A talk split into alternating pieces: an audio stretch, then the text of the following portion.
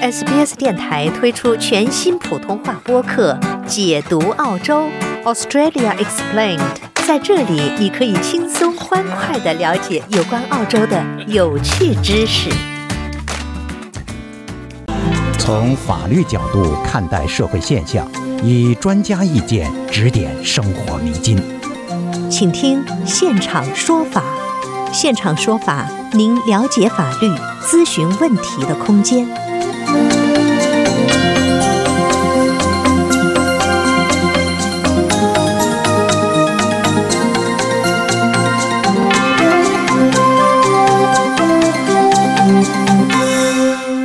听众朋友，你好，欢迎您继续收听 SBS 广播中文普通话节目为您带来的现场说法听众热线节目。本期节目呢，我们邀请澳和绿业管理合伙人林慧梅律师为您介绍澳洲诉讼的基本流程和费用等知识。欢迎听众朋友拨打热线电话一三零零七九九三二三一三零零七九九三二三参与节目咨询法律和移民签证问题。首先来连线本期节目嘉宾林律师，您早。早上好，静姐，大家早上好。谢谢林律师做客我们的节目哈，特别想，我也是特别想了解哈。经常我们比方说早上这个翻译这个新闻的时候，就经常会提到各种各样不同的法院哈。您能给我们介绍一下这个澳大利亚的法院系统吗？先？哎，没问题。啊，其实澳大利亚法院系统啊，说它复杂呢也复杂，说它简单呢也简单。啊，但是呢，大部分的听众朋友们可能没有了解它，所以呢就会觉得哎，啊有点距离，然后甚至呢遇到一些问题啊，就不愿意去通过诉讼来解决。嗯，那么我们先来看一下法院的系统在澳大利亚是如何的。首先呢，澳大利亚最高院的 High Court of Australia 是等级最高的法院，最高院受理呢上诉也初审案件，但大部分最高院的案件呢来源于各个州。或领地的最高院和联邦法院的上诉案件，但最终能得到最高院审理的案件是要有特别的许可的。这些案件呢都要有很强的法律层面的重要性，呃，因为其他地域最高院法院呢都要有最高院的这个判决判例的这个约束。我们可以理解为澳大利亚最高院呢，它是整个联邦的层面的，那每个州呢和领地呢也都会有自己的最高的。法院，我们呢叫它为 Supreme Court。如果对最州最高院的法院审判结果不满的话，可以在有许可的情况下呢，再上诉到澳大利亚的最高院。对于州最高法院可以审理的民事案件呢，但是金额相对较高的民事是相对民事金额相对较高的民事纠纷案件。然后州最高法院没有上诉庭来审理州下级法院。和行政庭的上诉案件，那这已经是两层了，一层是联邦的最高的，一个层呢是州的最高的。那么州呢还有低一些的，比如说追州最高院以下的法院呢，还有地区法院，我们呢叫它做 district court 和地方法院 magistrate court 来处理金额更小的民事纠纷案件。和州法院系统平级的呢，还有一些联邦法院，特别的联邦法院。那么联邦法院处理呢，是由联邦管辖的法律范围，例如呃这个竞争法、消费者权利保护法、破产法、公司法、劳动法、知识产权法、原居民的这个土地、原住民的土地和税法，这些都是由联邦法院来专属管辖的。并且呢，还设有家庭法院来处理较为复杂的家庭法的纠纷。这这这个层面呢，我们刚才又聊到了州呃联邦的最高法院、州的最高法院、州的地区法院、州的地方法院，还有联邦的特别法院。那么还有一个相对相对基础一些呢，我们把它叫做行政庭 （tribunals） 来解决这个小型的民事纠纷。但行政庭的这个判决啊，是可以受到州或领地法院及联邦法院的司法审查的，就我们可以再审它。那这里大概提到五到六个不同的这个法庭层别呢，是要有不同的管辖权和内容，然后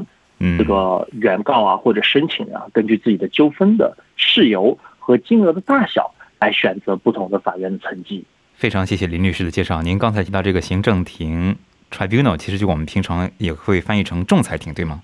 嗯，是的，是的嗯，比如说邻居间的纠纷啊之类的。是不是说经常，比方说我们说的那些有一些犯罪行为，呃，比方说发生在哪个地区的话，是不是先在比方说是地区法院或者是地方法院受审呢？哎，您说的对，一般刑事的话是由州法院所管辖。嗯，谢谢您的介绍哈。就是我们经常在这个新闻播报中也会提到哈，就是说法官除了法官之外呢，还有就是有些案件呢有陪审团哈。就是法官和陪审团在这个司法过程中，他们起到一个什么样的作用和角色呢？嗯，是的，这个呢可能跟我们在大学里经常会学到的，大家听到一个词叫做三权分立。嗯呃，三权分立呢是指司法系统、立法系统和行政系统。那么澳洲呢的三权分立呢是由宪法所直接规定的。澳大利亚的司法系统呢也独立于立法和行政，所以呢法官啊不受行政和立法的影响，来独立解读法律，来做出案件的这个判决。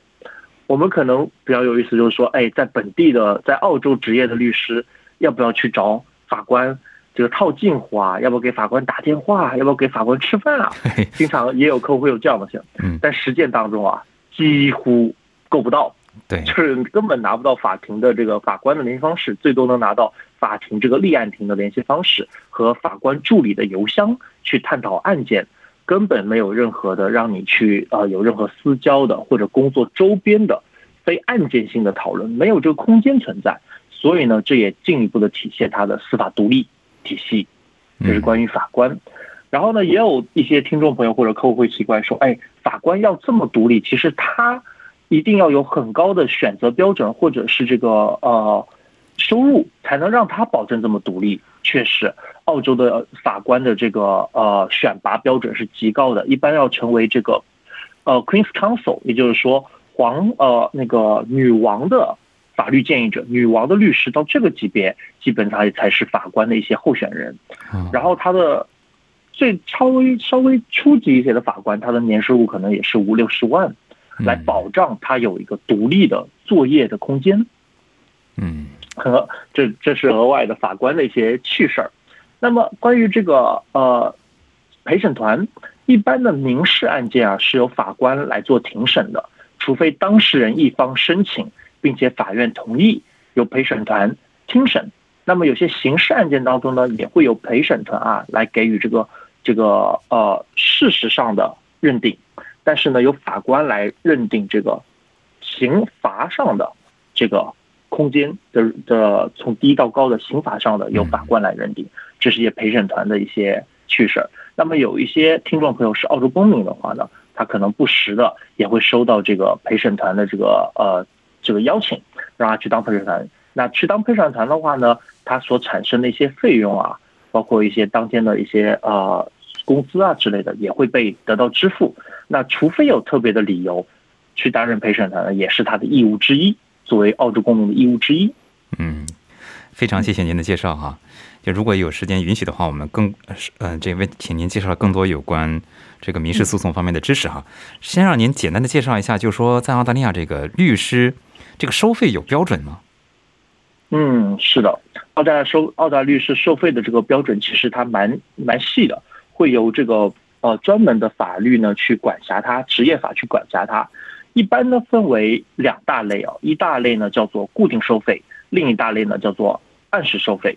呃，在澳洲啊，律师的收费呢往往与法律服务的工作量是直接相关的，不论是固定收费还是按时收费。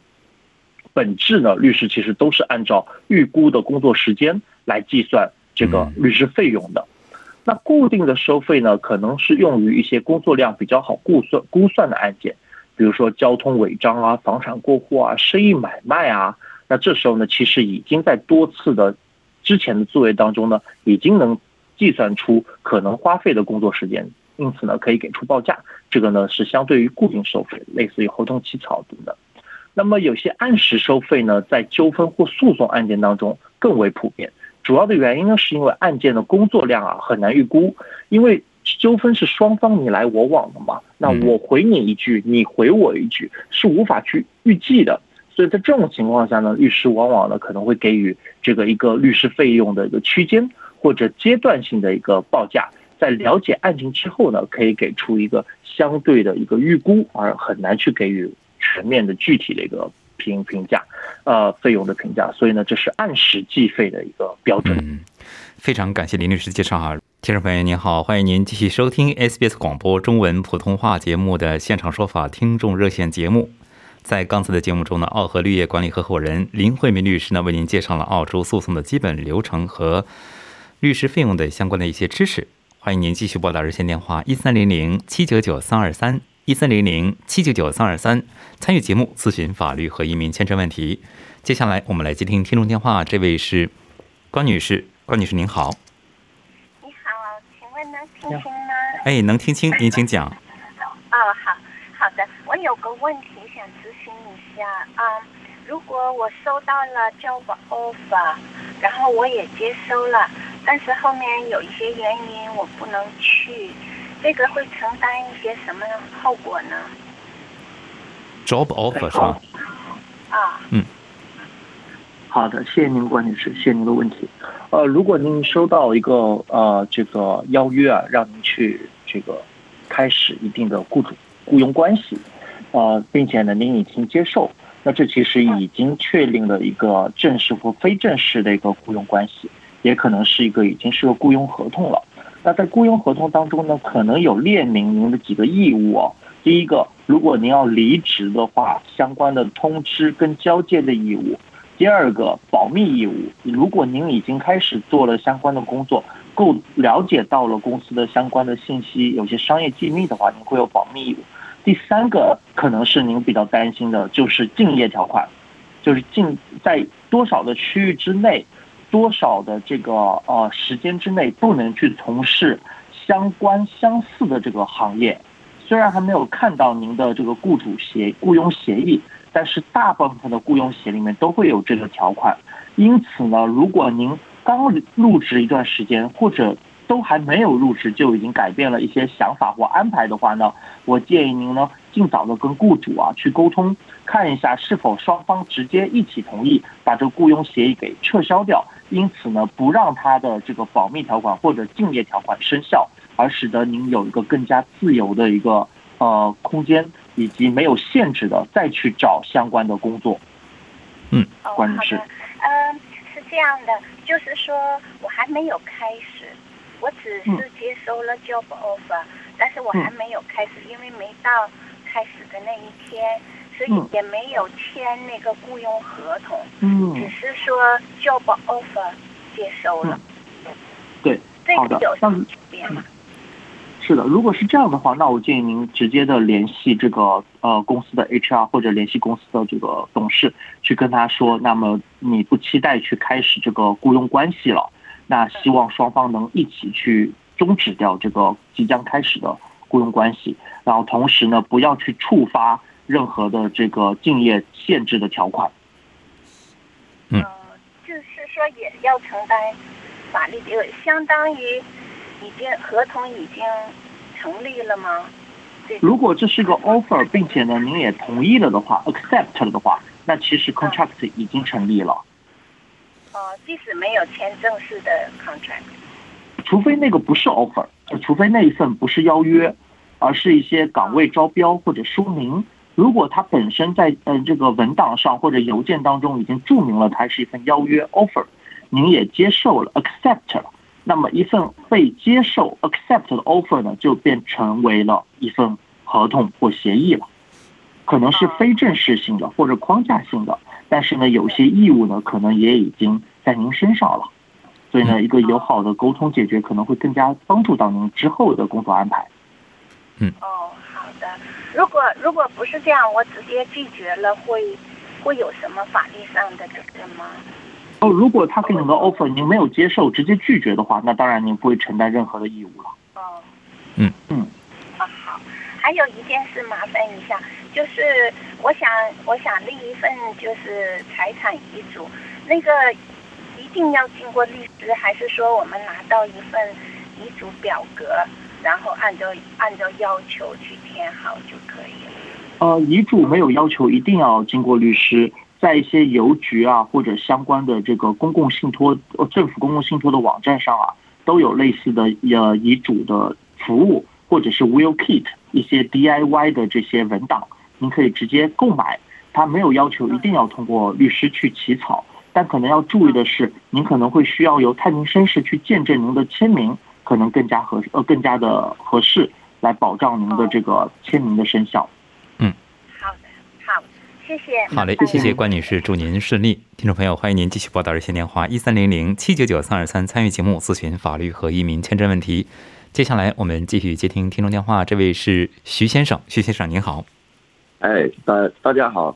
那个我想请教林律师哈，我不知道你们律师啊，这个是不是因为有买保险哈啊，所以造成说，假如说你们律师有有所疏忽、有所错误，然后呢，我们这个呃是说呃，因为律师的错误啊，呃，我们想要要求律师的赔偿，那律师呢，因为有买保险，他不肯承认错。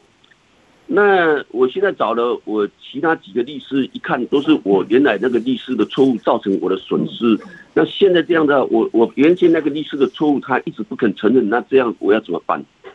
嗯，好的，谢谢您，徐先生。啊，您您聊到这个话题啊，刚好正好跟我们今天谈的这个话题呢，也是息息相关的。由律师的这个呃收取了费用去从事相关工作，但产生了错误或者双方产生了纠纷，怎么办？呃，首先呢，呃，大部分绝大多数的律师啊，他必须得要有保险。那有些律师呢，可能他迟了去续他的保险，或者呢，他在比较有风险的情况下去作业。但是，一家合规的律所呢，它必须要是有保险的。那当一定的这个额度或者是过失啊，到达了一定的这个律师认为保险公司应该介入的时候，那保险公司会介入到他的与客户的纠纷处理当中。那么您现在联系这家律所的时候呢，可能他的他已经在处理他的申请他的保险过程当中了。如果他申请保险成功了，那您之后会去跟他的保险公司直接去 deal，无论是这个赔偿还是对方不愿意赔偿，那么您会跟他的保险公司直接 deal，他会直接交给保险公司呢一笔这个出险费，access fee，然后呢，他保险公司呢会跟您去谈可能的和解。或者是可能的这个对抗，就是不是他的错。那您跟保险公司的沟通当中呢，也可能会涉及到两方面啊。第一方面也是诉讼，因为对方不肯赔，并且是对抗，那您可能会去告他，要求他相关的服务合同的赔偿，或者是职业过失的赔偿，这是一种诉讼。第二种呢，不诉讼，对方呢也认可到自己错了，但是呢就希望能跟您谈一笔和解金。那这时候呢，就是一个替代纠纷解决方式了，或者是调解。或者是仲裁，或者是和解协议。那么在这样的替代纠纷解决方式当中呢，双方会约定一个您可能会接受，对方也会接受的一个金额来终结此事。那在这个和解协议当中呢，也并不一定是把事情的对错放在第一位了，而是把让您得到一个满意的赔偿金，可能是比对错更高的放在第一位了。那这是两种方式可以去解决您之后可能面对跟保险公司去处理。此位律师所产生纠所产生过错，对您造成损失的方式。嗯，但是现在问题是这样的，这个本来哈，我找我这个律师啊，可能我是花一这个一两千块钱的费用而已啊，结果呢，他把我这个造成了错误，被对方把我告上法庭。现在呢，我跟对方的法庭啊，就要花上啊十几万的律师费了啊。嗯，然后呢，我就告诉我原来那个律师说，哎，你错了啦，你怎么怎么怎么。那那个律师说：“哎，这样子的，你如果去找其他律师啊，说我我我有错的话，那我有保险公司来会理赔的啊啊！但是他第一个他不肯承认错嘛啊，第二个就说，假如我又找其他的这个律师来告我，现在我我原先那个律师的错，我自己又要再去花那么多的律师费，那总共花起来都几十万澳币啊！那这样保险公司可能去赔两呃我两个那个律师费吗？”啊，所以说第一个你看，我现在跟我的租客，我我的租客那边的律师就呃花一笔十十几万的律师费，那那我的原先的律师的错误，他如果不承认，我还要再告他，这样子，这个这个两笔费律师费那么多，那保险公司他愿意这样赔吗？嗯，好的，谢谢您的问题哦。这两笔律师费呢，在实质上它可能产生的那个法律的诉有啊是不不同的。第一个呢是。此位律师给您造成的过错所应该给您的赔偿，您告他是告他的过错给您带来的赔偿。第二笔律师费呢，可能是您面对现在有一位原告向您去提起了一个主张，您应该赔给他钱。在这个诉讼当中呢，是适用于谁败诉了，谁要去承担对方大部分律师费的这样一个规则。那么根据您的案件啊，您也可以选择在被在原告告您的这个案件当中啊，把您过去的律师啊给拉进来，当做第三方。看，当然这个要具体看您的案件啊，但这是一种选项，拉进来当做第三方。因为呢，您作为被告之一或者是第三方呢，可能也是使得您作为被告之一的这个缘由。那么他可能也有过错。那么如果有一定的赔偿金额达成了，要给原告，比如说十万，那么有可能是在被告和此您的过去的有过错的律师第三者第三方之间啊，直接约定一个对于十分十万的承担比例。您您说的这个额外的律师费是有可能的，因为有新的事由发生了。您需要有一个军队带引号的军队帮助您在法庭上去对抗，所以这不免会产生一笔律师费。但是这样的律师费的缘由，如果是来自于过去的律师的过错而导致的话，您是可以向他主张他的保险的，并且在跟原告的过程当中呢，也是适用于谁败诉了，谁付给对方大部分的律师费。如果原告败诉了，他是要付给您在大部分的律师费的。但是呢，您无法从原告跟保险公司那边拿到重复的律师费赔偿。就一个事情不会赔您两次，但它可能是叠加或者是不同的这个方面，但它不会重合的性给到您赔偿。那第三方是否拉入第原的律师到诉讼当中作为第三方啊？这一点您可以再考虑一下，您的案件当中是否适用，徐先生。嗯，徐先生。好的，好的。所以非常非常感谢林律师，非常谢谢。好嘞，谢谢徐先生，祝您顺利。听众朋友，欢迎您继续拨打热线电话一三零零七九九三二三参与节目咨询法律和移民签证问题。接下来我们继续接听听众电话，这位是陈先生，陈先生您好。哎，呃，是我吗？是您，您请讲。哦，哎，我就是最近在一个呃一个小商铺的退租过程中呢，被房东呃扣掉了呃八千块钱的那个呃 deposit bond，呃，因为呃卫生问题，嗯，我们发现呢这个。呃，fair trading，呃，不管这个商业纠纷，呃，然后呢，房东呢也不接受呃调解，我就想问一下，走法律程序的话，如果我的胜诉或者败诉的话，呃，这个费用大概是多少？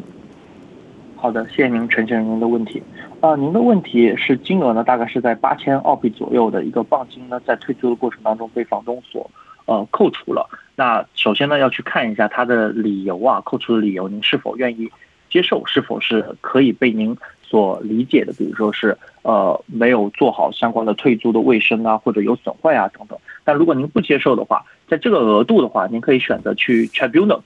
就是行政这个裁判庭，在那边去提起跟房东这个诉讼。一般来说，fair trading 啊，或者是 H P C 消费者委员会呢，一般是不处理这个跟租客跟房东之间的关系的。但 tribunal 呢是一个出口啊，呃它呢相对的程序会简单一些，并且呢时间成本啊、经济成本都会低一些，而且它一般是不需要律师去介入的，所以这个额度当中呢，您可以考虑去 tribunal，而且它有蛮多的一些程序性上的一些指引的，甚至有相关的翻译可以去这个寻求这方面的协助，所以 tribunal 的在您当州，在您所在的州啊。可以去搜索 tribunal 的网站，去直接下载他的申请表，然后下载完之后呢，可以去送达给房东，邀请他来到，就准确讲不是邀请了，送达给他，要求他一定要来到这个 tribunal 现场去开这个审判庭，去解决这个八千块钱的这个纠纷的金额。嗯，陈先生。哦，那个 tribunal 的费用大概是多少呢？如果如果我胜诉或者败诉的话，呃呃呃，比如说胜诉的话，我会得到呃。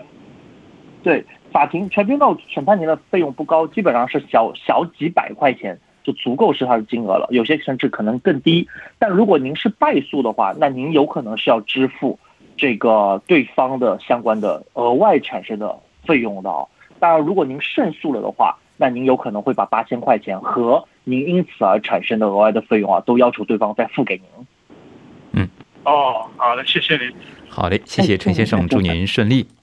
接下来我们接听下面一位听众电话，这位是李先生，李先生您久等了。喂，李先生，您在吗？啊，在。你哎好，，您请讲。好。那个呃，律师好，那个主持人好，您好，想问一个问题，就是，嗯、假假如我跟我前妻现在是在分居状态，然后分居了大概有六个月，然后但是我前妻想现在处理房产啊，处理什么，就是在没有达到任何的这种，不管是协议离婚也好，或者说最后的这个办理也好，你这个处理房产这个这个算算算合合合理合法吗？还是说？因为你什么东西都还没有处理情况下，就是还没有还没有最后这个，嗯、达到任何的协议离婚也好，或者说真正的办理真正的状态也好，你现在处理完这个房产，那这个房产到底算算算什么？这个这个算算算婚前的，还是算最后再离婚的这这这个？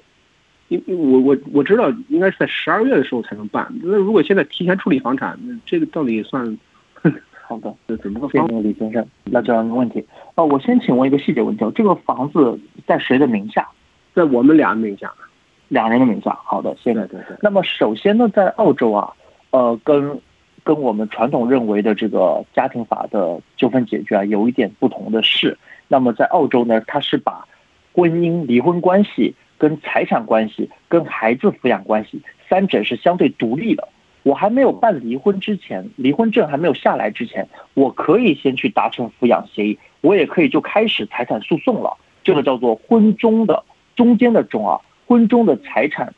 分配和孩子抚养的协议是可以这么处理的。我也可以婚后，比如说我现在离婚了，我在我离婚之后的一年之内，我又提出来说我要去分财产了，分孩子了，这也是可以的。所以您刚才说到他在离婚之前提出来要去分房子是否合法，这是合法的。但是否合理呢？这其实跟不同的家庭的情况都有关系了。比如说您还有孩子，这是您各两位的唯一套房子，如果分开，如果卖掉之后呢，那这个房子就无法被就双方包括孩子没地方去居住了，这可能就不合理了。所以是否合理，根据每个人的情况不同。对，但您其实我的对对，您请讲，嗯。我的条件也是，就是如果卖掉的话，我可能需要去租一套，然后他们也可能要去租一套。嗯，现在就是如对，如果是这样的话，我会建议您考虑两点哦。第一点就是，如果双方在这方面是有歧义的话，那可能就要开始相关的婚姻财产分配的这个流程了。呃，也是先调解，然后再诉讼，这是第一点。第二点，如果您同意了要去处理的话，那么在双方还没有达成婚姻分配，比如说比例问题的时候呢，在卖掉之后，这笔钱先放到律师的信托账户里面，一直等到双方有一个比例达成了，然后再去分配。那当然，双方可以不断的去约定说，哦，虽然可能卖了五十万，那我可以每个月双方都在里面先拿一万，因为要维持相关的日常支出或者租金或者还是费用嘛。这第二点。那么再再补充一点，第三点，如果最终达成了不卖的话，那双方就可以去约定，呃，在什么时候节点再去卖，卖的时候怎么去处理。李先生，这是在家庭法财产分配当中您需要注意的一些。好嘞，谢谢李先生。由于时间关系，就不得不打断两位了，祝您顺利。那么，听众朋友，以上就是今天两个小时的中文普通话节目。非常感谢林慧梅律师做客现场说法听众热线节目。本节目仅供一般参考，并无意提供任何个案法律建议，内容受作者原创保护。那么，我们如果您有更多的详细的内容，也欢迎您咨询专业的律师。以上就是今天两个小时的中文普通话节目，我是刘俊杰。了解澳洲，融入澳洲，欢迎登录 sbs 点 com 点 au 前斜杠 language 前斜杠 mandarin，获取更多澳大利亚新闻和资讯。